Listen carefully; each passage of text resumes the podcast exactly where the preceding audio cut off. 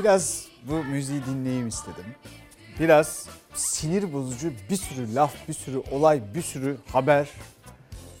Bunlara başlamadan önce 23 Nisan'ın tadını çıkaralım istedim. Türkiye Büyük Millet Meclisi'nin kuruluşunun 101. yılı.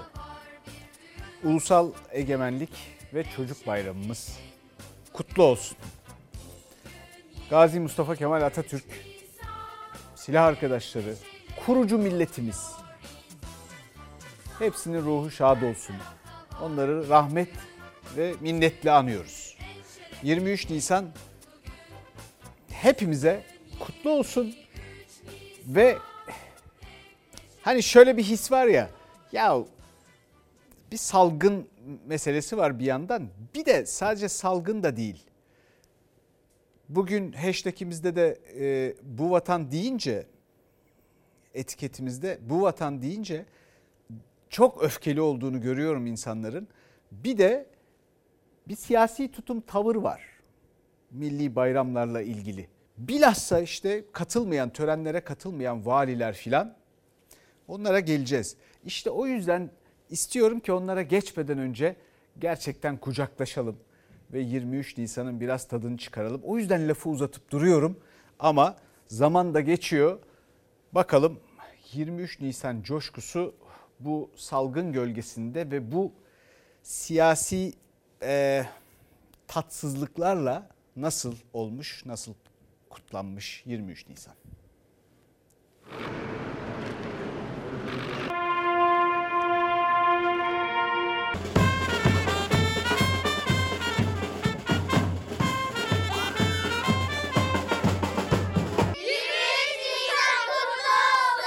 Milli egemenliğin çatısı Türkiye Büyük Millet Meclisi 101. yaşını kutlarken Atatürk tarafından kendilerine bayram hediye edilen dünyanın tek ve en şanslı çocukları bayram coşkusunda.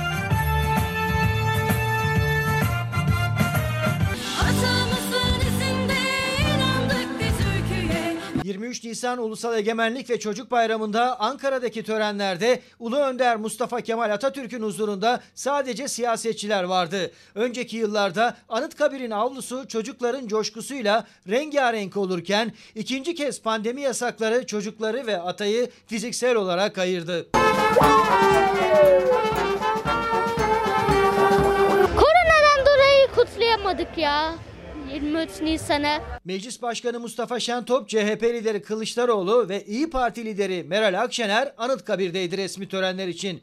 MHP lideri Bahçeli bu yıl ne Anıtkabir ne de ilk meclisteki törenlere katıldı. Meclisteki özel oturumda yer aldı. 2014'ten beri hiçbir 23 Nisan töreninde Anıtkabir'de olmayan Cumhurbaşkanı Erdoğan yine yoktu. İstanbul'daydı. Çocuklarla birlikte Türkiye'nin en uzunu olan bayrak direğinin açılışını yaptı. Bayrak ve toprak mesajı verdi. Bayrakları bayrak yapan üstündeki kandır, toprak eğer uğrunda ölen varsa vatandır. Eğer toprak kan dökülmemişse o zaten vatan olmaz. Arsa var, arazi var. Araziyi arsaya dönüştürmek için belli bedel ödemek gerekiyor. Aksi takdirde arazinin hiçbir anlamı yok. İşte bizler de bu toprakları vatan yapmak için nice şehitler verdik. Bu yıl kutlamaların adresi ne Anıtkabir avlusu, ne okulların bahçesi, ne de stadyumlardı. Salgının gölgesinde kutlanan ikinci 23 Nisan bayramında çocuklar yine evlerinde, balkonlarda, camlardaydı.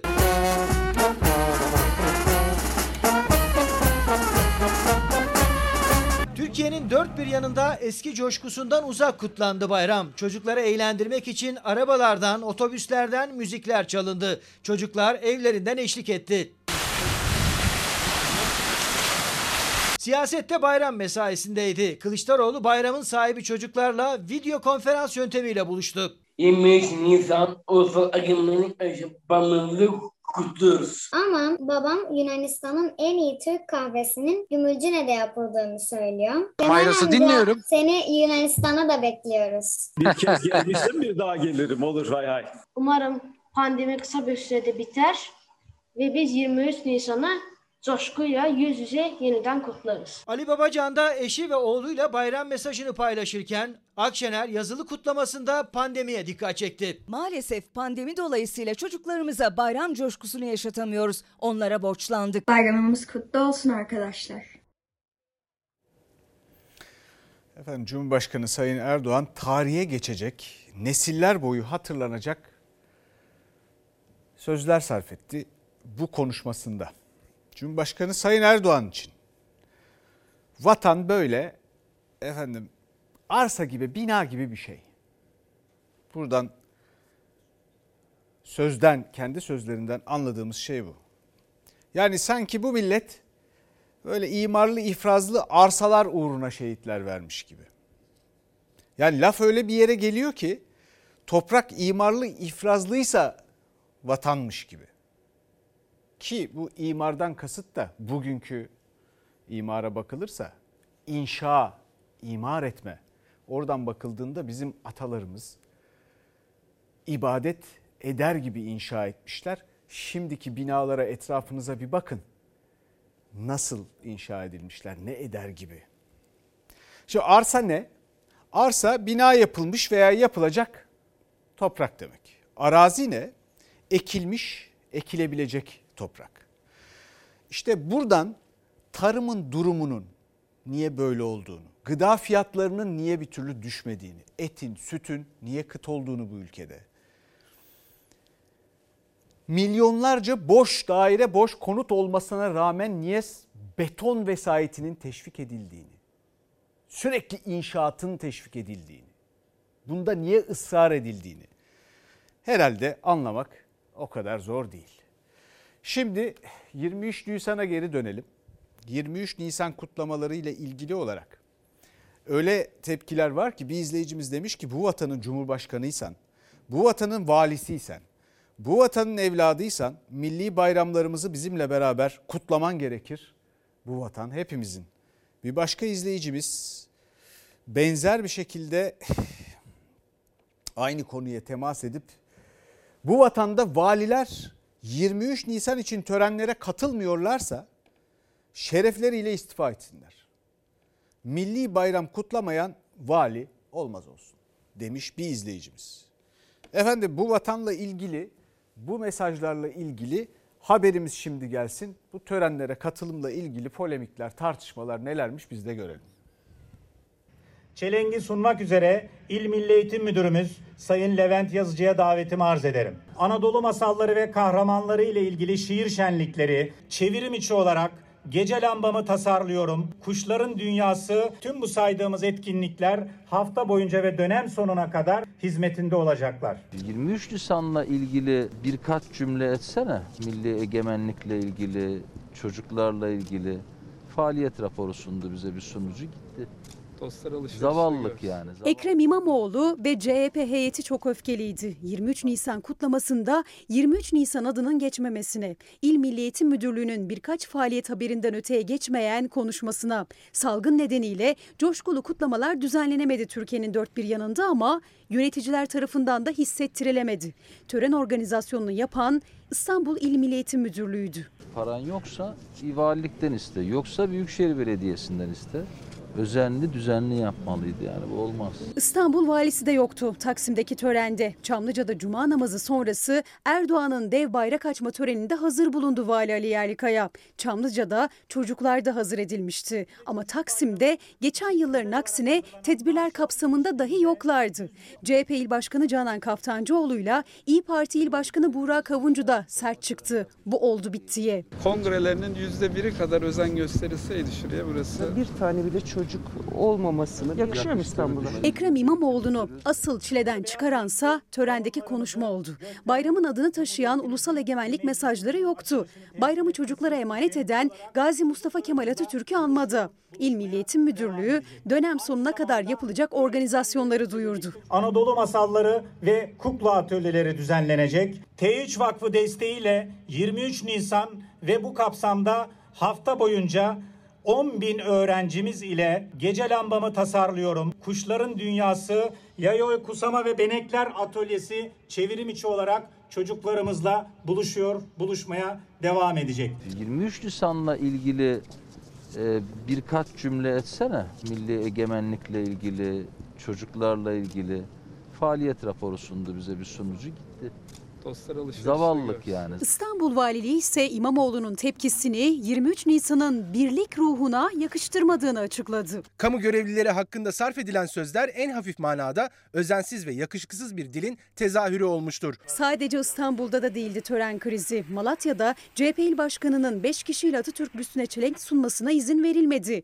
Veli Ağbaba tepki gösterdi. Çifte standarta İyi Partili Aytun Çıray da İzmir'de tek kişilik protesto yaparak karşı çıktı. kongreler yapılırken, bazı tarikat ve cemaat liderlerinin cenaze törenleri, devlet yetkilileri giderken bu çifte standardı ve 200 uygulamayı da protesto ediyorum. Şimdi valiliğin düşüncesinin beyan ettiği düşüncenin aksine kamuoyunda şurada gördüğüm mesajlarda farklı bir düşünce, farklı bir yaklaşım var. Bir de benim anlamadığım şu. Efendim milli mücadelenin sonunda Türkiye Büyük Millet Meclisi'ni kurmuşuz ki Türkiye Büyük Millet Meclisi'nin bir evveliyatı var. Osmanlı'nın iki meclisi var. Üçüncüyü kurduktan sonra oradan Türkiye Büyük Millet Meclisi'ne dönüşüyor bir yandan da belli unsurlarıyla Ankara'da. Şimdi milli iradeden bahsediliyor ya her tarafta. Ya bu tavır, bu tepki neye anlamış değilim. Milli iradeye mi bu? Türkiye Büyük Millet Meclisi'ne sahip çıkın kardeşim. Türkiye Büyük Millet Meclisi'nden hikayesi daha özel olan, rolü, tarihteki yeri daha özel olan bir parlamento bile yoktur dünyada. Amerikan Kongresi'ymiş, şuymuş, buymuş bunlar laftır, boştur. Türkiye Büyük Millet Meclisi'nin başkanından itibaren bu ülkedeki bu devlete çalışan herkesin o meclise niye sahip çıkması gerektiğini anlatmaya çalışıyoruz burada sürekli ya. Anlamadıkları belli. Başka başka şeylerle uğraşıyorlar. Anlamadıkları belli. Fakat işin sırrının bu ülkenin istedikleri gibi, herkesin istediği gibi dünyada gerçekten parmakla gösterilecek bir yer olmasının geçeceği yer, yol Türkiye Büyük Millet Meclisi. Milli irade. Hayır ona mı tavır gösteriyorlar? Anlamadığım şey bu. Bugün Ulusal Egemenlik Bayramı çünkü. Aynı zamanda. Geçelim. Ee, bütün bu ortamda Meclis Genel Kurulu'nda Türkiye Büyük Millet Meclisi çok önemli. Çok önemli. Bence küresel manada önemli yaptıklarıyla da. Ee, oradaki tartışmaları şimdi e, ekrana getirelim, birlikte izleyelim. Bu meclisin Merkez Bankası'ndaki 128 milyar doların hangi bankalarda, kimlere, hangi kur üzerinden satıldığını bilmesi gerekir. Kasalar boşaltıldı. 128 milyar dolar buharlaştı. Bakanın biri kendi şirketi para kazansın diye kendi bakanlığına kazık attı. Şimdi çıkmış çocuk bayramı kutluyorsunuz. İktidara soruyorum. Hangi yüzle? Sayın Başkanım böyle kalır mısınız? Slogan atarak, yegane sermayesi olan hakaretleri ederek halkın sözcülüğünü üstlenmek mümkün değil. 23 Nisan özel gündemiyle toplandı Meclis Genel Kurulu ve tansiyon yine tavan yaptı. Türkiye İşçi Partili Erkan Baş son haftalarda gündemden düşmeyen 128 milyar dolar yolsuzluk iddiaları, pudra şekeri, kripto para skandallarını gündeme getirdi. AK Parti grubuyla karşı karşıya geldi. Bu ülke saray rejiminin eseri bu utançların hiçbirini aslında hak etmiyor. Adile teyzenin kuzucukları vardı. Şimdi tosuncuklar var. Flüt çalmayı öğrenen çocuklarımız vardı. Şimdi maşallah at çalan at hırsızları var. Arkadaşlar yargıda yaptıklarınızın bedelini ödeyeceksiniz. Adliye koridorları lebalep hırsızlarla, avantajcılarla, rüşvetçilerle, arsız müteahhitlerle dolacak. Lütfen Son cümle arkadaşlar. tahammül gücünü aşıyor. AK Partililerin terbiyesiz, utanmaz sözleri arasında Erkan Baş konuşmasını bitirdi, tansiyon yatıştı. Öncesinde ise muhalefet partilerinin sistem eleştirileri ön plana çıktı. Kılıçdaroğlu istediğimiz meclis şöyle olmalı dedi, madde madde tarif etti. Bu meclisin kendi özgür iradesiyle çıkardığı yasalara yürütme organının uyup uymadığını denetlemesi gerekir. Bittik kahrolduk yavesini bir virt gibi bir teviye tekrarlayanlar daima olmuştur ve olacaktır. Bu meclisin Milli Kurtuluş Savaşı sürecinde bile ülkenin kanun hükmünde kararnamelerle yönetilmesine izin vermediğini bilmesi gerekir. Yasama, yürütme ve yargı tek kişinin tahakküm altına girmiş yeni bir vesayetçi yapı ortaya çıkmıştır. Tek adam, sivil darbe ve benzeri eleştiriler elbette yapılabilir. Fakat mantığı ve doğrudan konuşanın sahip olduğu meşruiyetin kaynağı ile çelişkilidir. CHP İyi Parti Cumhurbaşkanlığı hükümet sistemi için tek kişi yönetimi vurgusunun altını çizerken iktidar bu söylemi eleştirdi. Genel kurulun 23 Nisan oturumuna sistem tartışmaları damgasını vurdu. 23 Nisan gündemine döneceğiz ama şimdi Covid-19'la mücadelemizde en zor günlerde e, bulunduğumuz şu dönemde tabloda rakam olan ama yürekte acı olan kayıplarımızı paylaşarak başlayalım. Dünkü tablo gene feciydi çünkü. Artık bir ülke bu kadar yüksek bir piki görmüş ise o ülkenin kamyonu ağzına kadar yükle doludur. Yani iki şey olur. Bir kamyon önüne gelene çarpar, bir kamyon o yükü ki o yük maalesef ölümlerdir. Döke saça gider. Yani ölümler çok artar ve öyle oldu ve öyle de oluyor. Vaka sayıları düşüp iyileşen hasta sayıları artsa da salgının yükü hala çok ağır. Özellikle de son tablodaki can kayıpları ve artan ağır hasta sayılarındaki yükselişle tabloda iyimserliği yakalamak mümkün değil. İyileşen hasta sayısı yeni vaka sayısını geçmiş oldu ama biz bu iyimserliğe kapılmalı mıyız? Sakın Sakın. iyi bir haber olduğu zaman biz paylaşacağız. En büyük yanılgı bu iyimserlik olur. Çünkü bu da işin doğal süreçlerinden bir tanesi.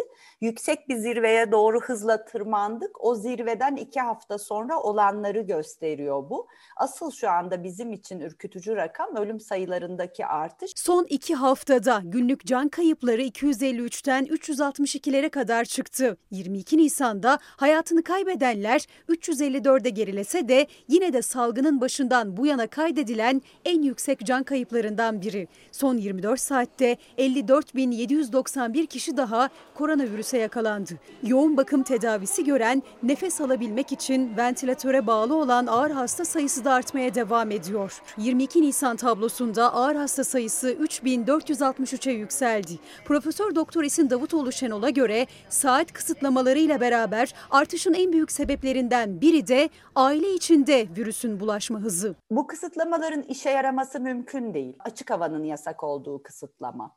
Açık havanın yasak olmasının ayrıca çok büyük sakıncaları var. Ev içi bulaşta mı bir artışa e, sebep oluyor aslında bu tarz kısıtlamalar?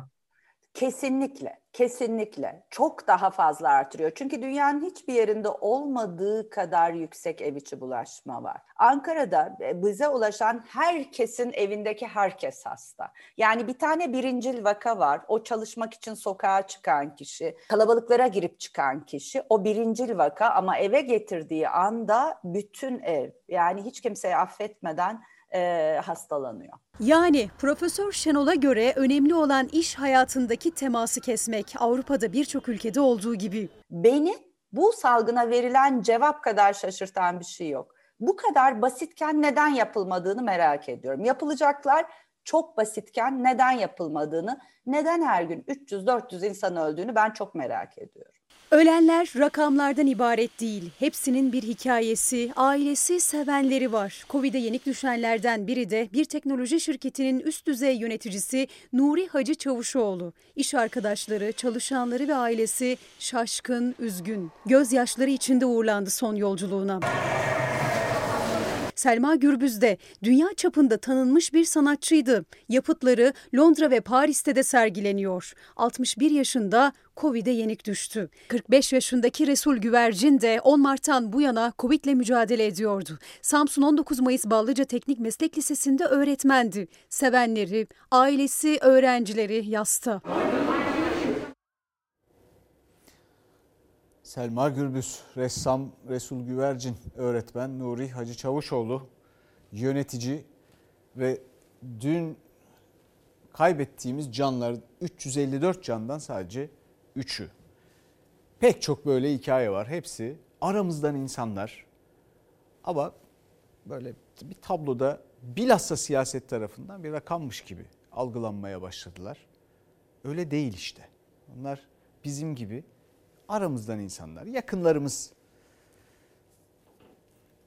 Bir yandan siyasetin tabii bu yanlış stratejileri ve hatalı politikaları bizi bu Covid-19 salgınında dünyada vaka, nüfusa oranla vaka sayısı bakımından ve can bu, bu yine nüfusa oranlı can kaybı bakımından dünyada ilk sıralara çıkarttığından beri hatta bir ara ilk sıradaydık.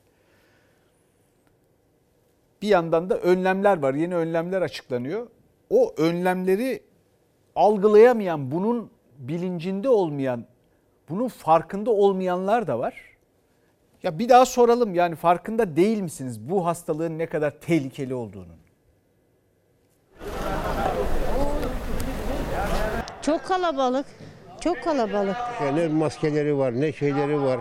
İç içe. Yanından geçse bile yani muhakkak sana sürtünüp geçiyorlar ya. Bir kısıtlama gününde daha İstanbul'da yine aynı manzara. Caddeler, sokaklar çok kalabalık. Oysa dün akşam saat 19 itibarıyla 82 saatlik sokağa çıkma kısıtlaması başladı Türkiye genelinde. Çalıştığı ya da market alışverişi yapması gerektiği için o kalabalığın içine karışmak zorunda kalanlar maske takmayanlardan şikayetçi. Maske takılmıyor. Yani dikkatsiz yani insanlar. Maalesef bakın görün her tarafta var yani. Kimse takmıyor yani. Al bak al işte adamda maske yok. Ben şimdi bu yaşta kendimi korumaya uğraşıyorum. Kendimi korurken onu da koruyorum. Ama o beni korumuyor. Biz elimizden geleni yapıyoruz gerçekten. Ama sokağa çıktığında her şeyden vazgeçmiş gibi. Tabii bir de muafiyetleri suistimal edenler var. Yani Covid'den hala ders almayanlar. Zaten bu istenmeyen görüntüyü oluşturan da onlar. İnsanların gayet rahatça dışarıda gezdiğini görebiliyoruz. Yani ben araçla da benim izgin belgem var. Araçla dışarı çıktığımda bütün İstanbul'u geziyorum. Bir kere polisin durdurduğunu görmedim ben. Vaka sayılarının ve ölümlerin salgının başından bu yana en yüksek seviyelerde olduğu günlerden geçiyoruz. İşte bu yüzden de rakamları düşürebilmek için yeniden kısıtlamalar getirildi. Hatta şu anda da 82 saatlik sokağa çıkma kısıtlamasının içerisindeyiz. Ancak İstanbul sokakları yine kalabalık. İnsanlar yine salgın yokmuş gibi iç içe. Merhaba. Maskeleriniz nerede acaba? Arabada. Maske niye takmıyorsunuz? Canım istemiyor. Canınız istemiyor. Aynen. Ya virüse yakalanırsanız? Daha bu zamana kadar yakalanmadım şimdi de yakalanmam. Kimse umursamıyor. Ben işletmeciyim, ben lokantacıyım ben. E, 2020'de 5-6 ay kapalı kaldım. Bu Ramazan'da yine kapalıyım. Ya bunların yüzünden bunun ceremesini biz çekiyoruz. Bak beni işsiz bıraktı. Aç bıraktı. Ceza kesti. Kahveciyim. Bak bir buçuk senedir yok. Neymiş? Sende korona çıkıyor. Ölecekse tok ölelim. Az ölmeyelim. Artık da buraya geldi.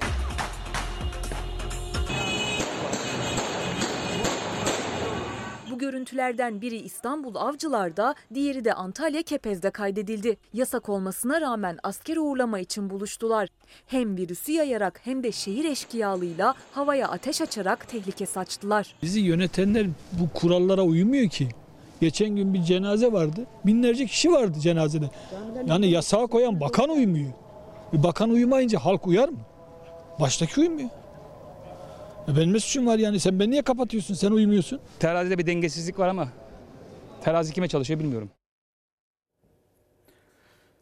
Bu Covid-19'un dünyanın her yerinde işçi, çalışan, çalışmak zorunda olan insanların hastalığı olduğu, daha çok böyle olduğu pek çok kez söylendi. Biz de burada söyledik. Şimdi Zonguldak'ta madenciler arasında ki Zonguldak korona tablosu en riskli illerden biri biliyorsunuz.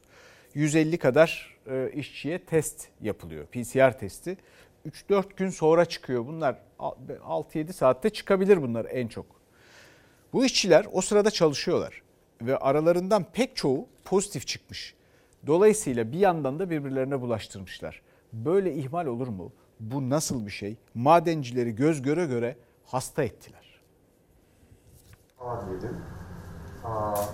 Zonguldak'ta Sağlık Bakanlığı'nın koronavirüs testi skandalını ortaya çıkardık. Test yaptırdıktan 4 gün sonra Covid pozitif olduğu ortaya çıkan bir işçinin resmi belgesi. Zonguldak'ta yer üstünde çalışan 144 maden işçisine 18 ve 19 Nisan tarihlerinde koronavirüs PCR testi yapıldı. Ancak test sonuçları 3 ya da 4. günde verilebildi. İddiaya göre testlerin önemli bir bölümü pozitif çıktı. O sırada işçiler işçiler işlerine gidip gelmeye devam etti. CHP'li Deniz Yavuz Yılmaz seçim bölgesinden kendisine belgeleriyle ulaşan çarpıcı iddia için skandal dedi. Skandalın devamını da açıkladı. 18 Nisan 2021 tarihinde saat 11.55'te koronavirüs testini yapan bir işçinin aslında o tarihte ve o saatte koronavirüs pozitif olduğu ortaya çıkıyor. Ne zaman ortaya çıkıyor? 22.04.2021 tarihi saat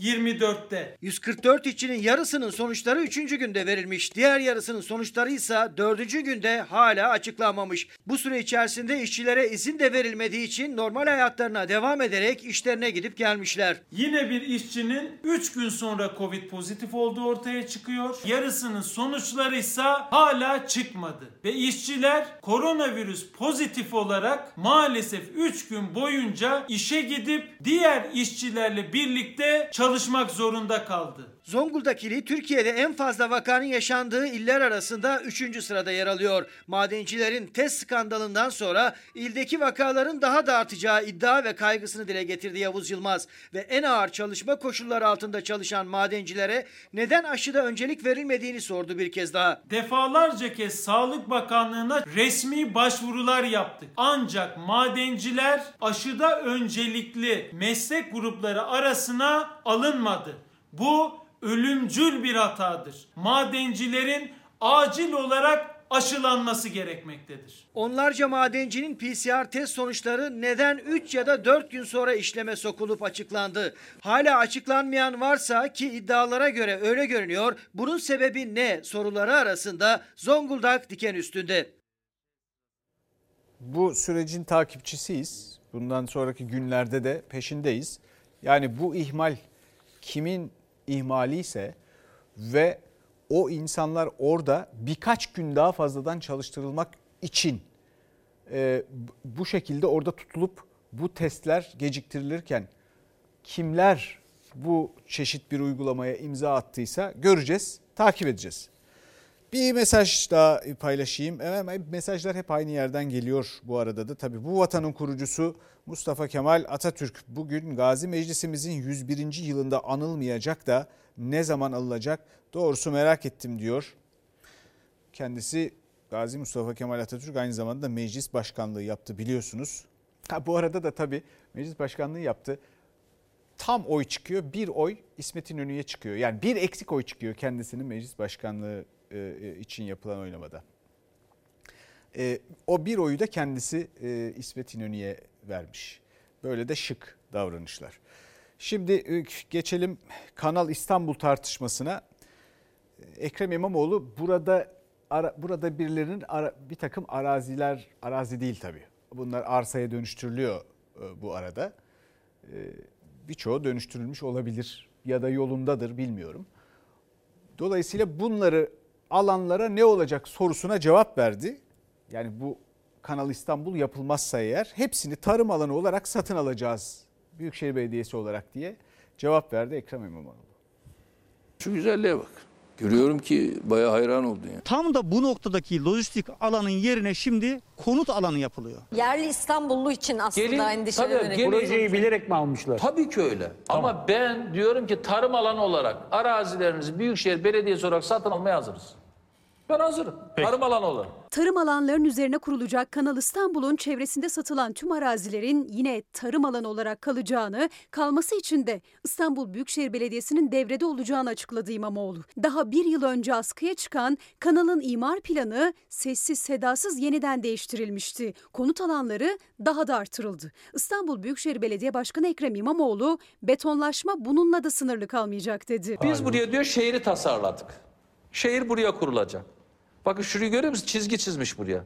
Bak görüyor musunuz? Bunlar hep tarım alanı. Burada tarım alanı da çizgi çizmiş. Allah aşkına.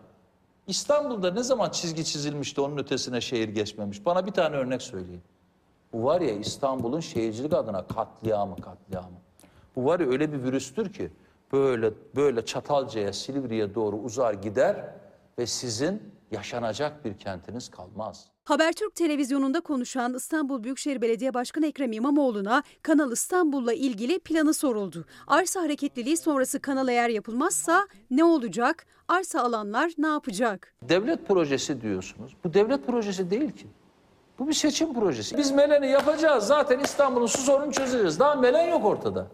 Bakın ortada daha Melen yok. Melen işi de ayrı bir facia onu söyleyeyim. Ya siz Sazlıdere Barajı'nı yok etmekten, 350 milyon metrekarelik bir alanı imara açmaktan İnsanlar olmayacak. arsa aldılar. 40 imara milyon metre. açılmasını Bizim bekliyorlar. tespitimize burada büyük bir arsa rantiyesi çalışılmıştır. Kanal İstanbul geçecek diye uyanıklık edip dönüm dönüm arazi kapatanlar size sesleniyorum. Hepsi iptal edilecek ve halktan çalınan halka geri dönecek. Herkes anlayacak. Bu ülke satılık değildir. 23 Nisan'da mecliste de gündemdi. Bazı siyasiler, Körfez ülkelerinin zenginleri Katar emirinin annesi. Kanal İstanbul güzergahından arsa aldıkları ortaya çıkan sadece birkaç isimdi. Gün geçtikçe şaşırtıcı isimler de ekleniyor. Bir Cumhuriyet Savcısının da kanal güzergahından yaklaşık 45 futbol sahası büyüklüğünde arazi satın aldığı iddia edildi. Kim itiraz etti ya da kimin çıkarına dokundu ya da yeni kime çıkar yaratıyoruz bu bölgede? Hangi büyük arazi sahiplerine çıkar yaratıyoruz? Hangi müteahhite yeni projeleri aktaracağız? Zaten karşı çıkılan imar planının bir anda konut alanlarının çoğaltılarak değiştirilmesine de tepkiler bu nedenle büyüyor. Lojistik alanları, ticaret alanlarını, fuar alanlarını iptal ettik, konuta çevirdik diyor. Kime sordum? Kimsiniz siz? Ben diyeceğim ki, ey halkım karar verdim, Trakya'nın yarısını konut alanı ilan et. Demez misin? Kimsin sen? Şimdi e, bu gördüğünüz bu yerlerden alanları not etmeye başlayın bence. Çünkü bu aynı zamanda yani halkın faydalanacağı bir şey milletin faydasına olacak onların yer alabileceği bir proje mi zannediyorsunuz? Yok canım nereye kattılar ki sizi? Buna da katacaklar. Bunun maliyetini düşünün. Büyük bir maliyet. O maliyet için kredi bulunması lazım yurt dışından. Hazine garanti verecek bunun için bir düzenleme bile yapılmış. Peki onlar yine bundan önceki projelerde olduğu gibi ödeyemeyecekler. E hazine ödeyecek. Merkez Bankası ile protokol yapıp oradan alacak. Sonuç 128 milyar dolar nasıl uçtuysa işte o zaman da ne varsa elde avuçta o da uçabilir. Muhakkak yapmalılar bunu milletin gözü önünde sergilemeliler. Bütün bunları bir kez daha. Şimdi e, bir de kripto tosuncuk e, olayımız var biliyorsunuz. Aldı paraları gitti. Ne kadar para aldığı belli değil. O da önümüzdeki günlerde çıkacakmış. Şimdi artık kırmızı bültenle aranmakta. Önüne gelen bizim vatandaşımızı tokatlıyor. Dünyanın diğer ülkelerinde yapılmayan, yapılamayan bir yolsuzluk Türkiye'de yapılıyorsa sebebi yasal boşluklar ve hükümetin bu konuda gerekli iradeyi ortaya koymamış olması. Şahsın Türkiye'deki bankalardaki 31 milyon lirasına e, el konuldu. 3 ayrı e, hesapta. Kripto borsa şirketiyle 2 milyar dolar vurgun yaptığı iddia edilen Faruk Fatih Özer Arnavutluk'ta hakkında kırmızı bülten çıkarıldı. Aranan sadece o da değil. Şirketle irtibatlı 78 kişinin yakalanması için 8 ilde eş zamanlı operasyon düzenlendi. 62 şüpheli gözaltına alındı. Özer'in Dışişleri Bakanı Mevlüt Çavuşoğlu'ndan sonra İçişleri Bakanı Süleyman Soylu'yla da fotoğrafı, MHP Milletvekili Saffet Sancaklı'nın oğlu Mert Sancaklı'yla da ortaklığı çıktı ortaya. Soylu tanımıyorum dedi, muhalefet tepki gösterdi. İlgili şahıs Faruk Fatih Özer'i tanımıyorum. Bir yakınımız vasıtasıyla 23 Aralık 2019'da yazılımcı gençlere verdiğimiz randevuya eklemlenerek gelmiştir. Randevu listesinde ismi mevcut değildir ve sadece fotoğraf çekimi esnasında odaya alınmıştır. Kamuoyuna saygıyla duyurulur. Bir milletvekilinin oğlu olduğu söylenen birisinden ziyaret yaparak ve yine bir milletvekilinin kardeşiyle ortaklık kurarak milletin gözünün içine baka baka bu paraları topladılar kaçtılar. Maliyetinin ne kadar olduğunu bilmemekle birlikte burada bir e, olayla karşı karşıyayız. Tabii günler geçtikçe bunun etkilerinin ne olduğunu hep beraber göreceğiz. Türkiye'nin en büyük dolandırıcılık iddiası gündemdeki sıcaklığını koruyor. TODEX kripto paranın sahibi Özer 392 bin kişiden toplanan 2 milyar dolarla Arnavutluk'ta. O döneceğim dedi ama mağdurların umudu yok. Savcılığa başvurdular. Özer'in banka hesapları da bloke edildi. Gençlerimiz üretimde, istihdamda değil de bu tür saadet zincirinin pençesindeyse, bu tür vurgun düzeninin kucağına düştüyse bundan iktidar sorumludur. Bu iktidarın eseridir. Çünkü onlar gençlerimizi çaresiz bıraktılar, işsiz, güçsüz bıraktılar. Özer'in milletvekilinin oğluyla ortaklığı olduğu bir fotoğrafla çıktı ortaya. Dışişleri Bakanı Mevlüt Çavuşoğlu ile çekilmiş fotoğrafında MHP milletvekili Saffet Sancaklı'nın oğlu Mert Sancaklı da vardı. Özer ve Mert Sancaklı'nın ödeme ve elektronik para hizmetleri şirketinin ortakları olduğu öğrenildi. Saffet Sancaklı iddialarla ilgili yazılı açıklama yaptı. Gündemdeki bu konuda oğlumun ve şahsımın en küçük dahli olmadığına, namusum ve şerefim üzerine and içerim dedi. Bir Allah'ın kulu da dönüp ya sen ne borsası kuruyorsun kardeşim? Milletten bu parayı alıyorsun da karşısında teminatın nerede? Ya sen bu paraları sonra vermezsen diye bir dönüp bakmıyor. Yasaklamıyor. Kaçınca şimdi öyle arkasından bakıyoruz hep beraber. Eleştirilerin hedefindeki İçişleri Bakanlığı da Interpol'e başvurdu. Faruk Fatih Özer'in kaçtığı Arnavutluk'ta yakalanıp iadesini istedi. Zannediyorum 290 bin dolar civarında bir beyanda bulunmuş Arnavutluğa girerken. Şimdi bunun böyle olacağı belli değil miydi?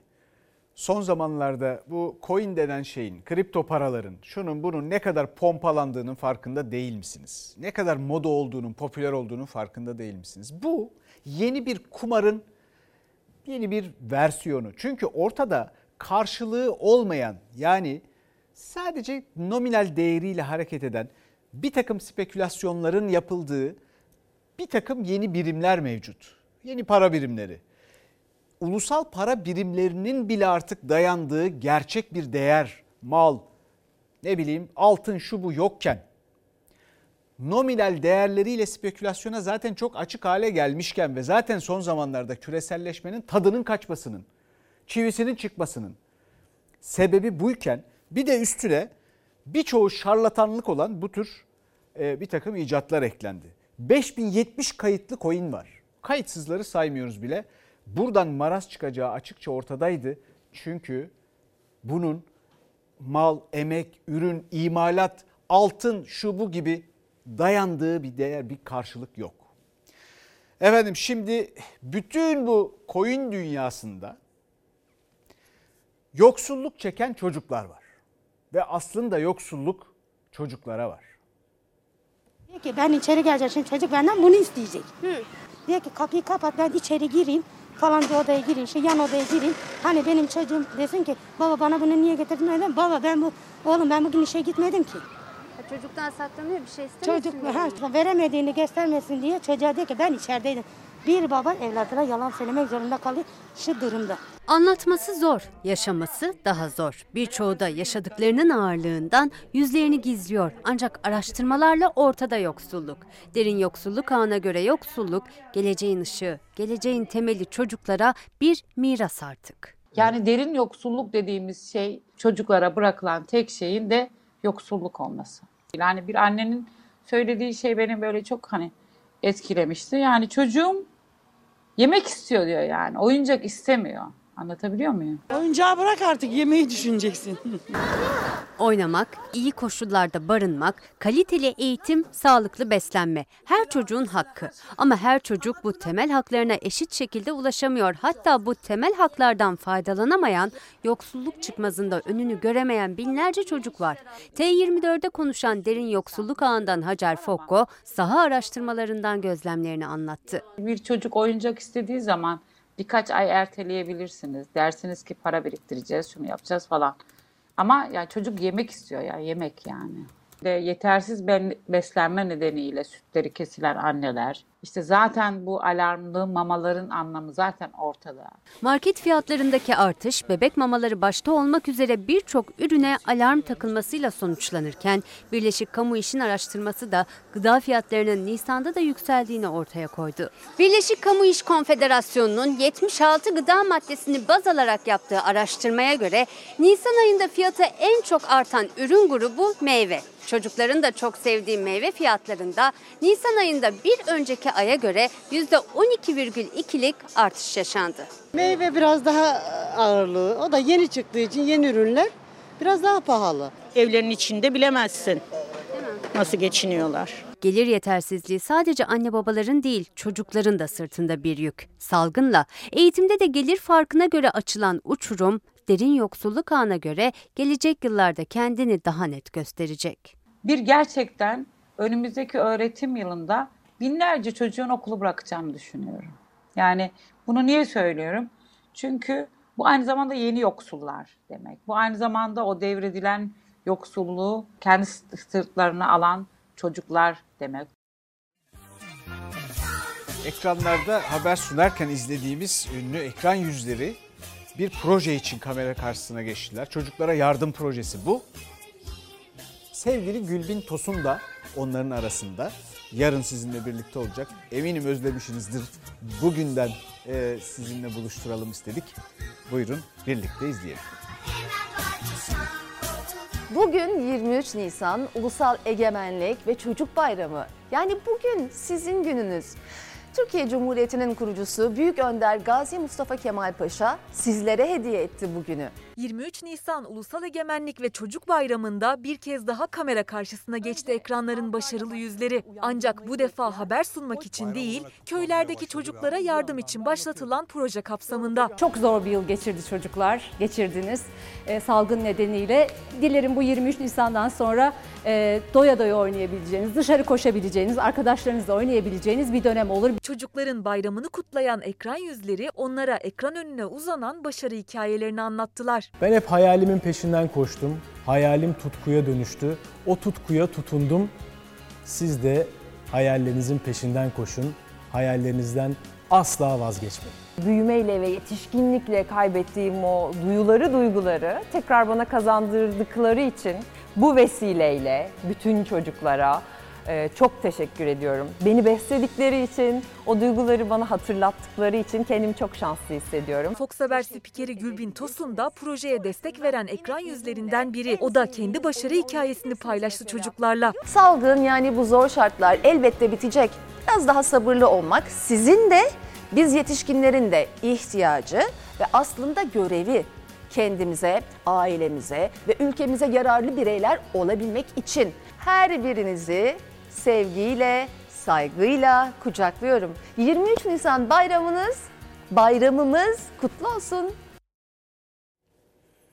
Şimdi biz burada bilhassa ben e, bazen yutkunmakta zorlandığım ve o yüzden de kesik kesik konuşmama yol açan, bazen duygularıma da hakim olamadığım birçok acayip gündem maddesini sıralıyoruz. Birçok olaya yorum yapıyoruz.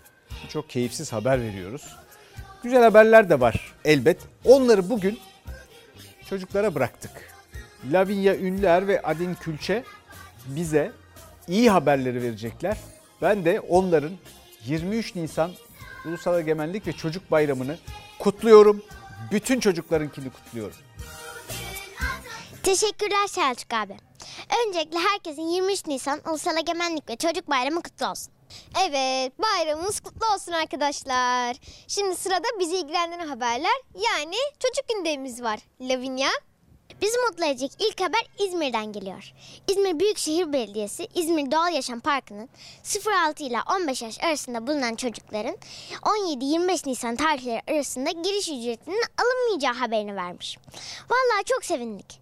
Umarız herkes gezebilmiştir. İkinci haberimiz de çok mutluluk verici. Türkiye Teknoloji Vakfı'nı duymayanınız yoktur. Yürüttükleri Bilim Türkiye projesi kapsamında 23 Nisan Ulusal Egemenlik ve Çocuk Bayramı'na özel çocuklar için uygulamalı çevrimiçi atölyeler düzenleyeceğini duyurmuştu. Son günü bugün olan atölyelerde e, tasarım, güneş sistemi, boyama gibi alanlarda çalışmalar yapıldı. Heyecanlı bir yarışma haberi de İzmit'ten geliyor. İzmit Belediyesi bir 23 Nisan şiir okuma yarışması düzenledi. Yüzlerce arkadaşımız şiir okudukları videoları paylaşıp 23 Nisan coşkusunu yaşadı.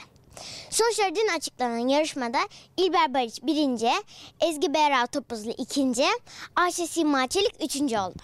Bildiğiniz gibi eğitim hala online uzaktan devam ediyor. Hepimiz okullarımızı, arkadaşlarımızı, sınıflarımızı çok özledik. Hemencik pandeminin bitmesini diliyoruz. Ve çocuk gündemi sonlandırırken bir kere daha 23 Nisan Ulusal Egemenlik ve Çocuk Bayramı kutluyor ve bizi bunu armağan eden Büyük Atatürk'ümüze de teşekkür ediyoruz. İyi bayramlar arkadaşlar. Görüşmek üzere. Ana Haber'den sonra yeni bölümleriyle son yaz ekranlarınızda. Kaçırmayın. Lavinia öyle diyor ama arada bir reklam bölümü var. Ondan sonra bir de bir dakikam var benim ama kısa tutacağım. Şimdi bir ara. Eski sözlüklere baktığınız zaman kahraman ne demektir diye kaderle pençeleşen gibi bir anlam çıkıyor. Mustafa Kemal Atatürk bunu üstelik kendi nefsi için değil yani bu kaderle pençeleşmeyi bir milletin varlığı, hayatı, devamı bir ülkenin kurulması için yaptı. O yüzden de milli kahraman. Bugün geldiğimiz noktada çok yorgun, çok ümitsiz, gerçekten kederli, öfkeli pek çok insanın dışarıda bu tür yayınları izlediğini, gündemi takip ettiğini görüyorum, biliyorum. Bütün bunlarla ilgili kafanızda çözemediğiniz soruların tümünün yanıtını siz kendiniz vermezseniz kimse veremez. Kimseden beklemeyin. Bizim milli bir kahramanımız var. Artık kahramanlara değil, kahramanlara ihtiyacı olmayan bir toplum olmaya ihtiyacımız var. Bizden bu akşamlık bu kadar. 23 Nisan kutlu olsun ve bizden sonra son yaz var. Bu arada sofranızda bol, bol olsun. Allah oruçlarınızı kabul etsin.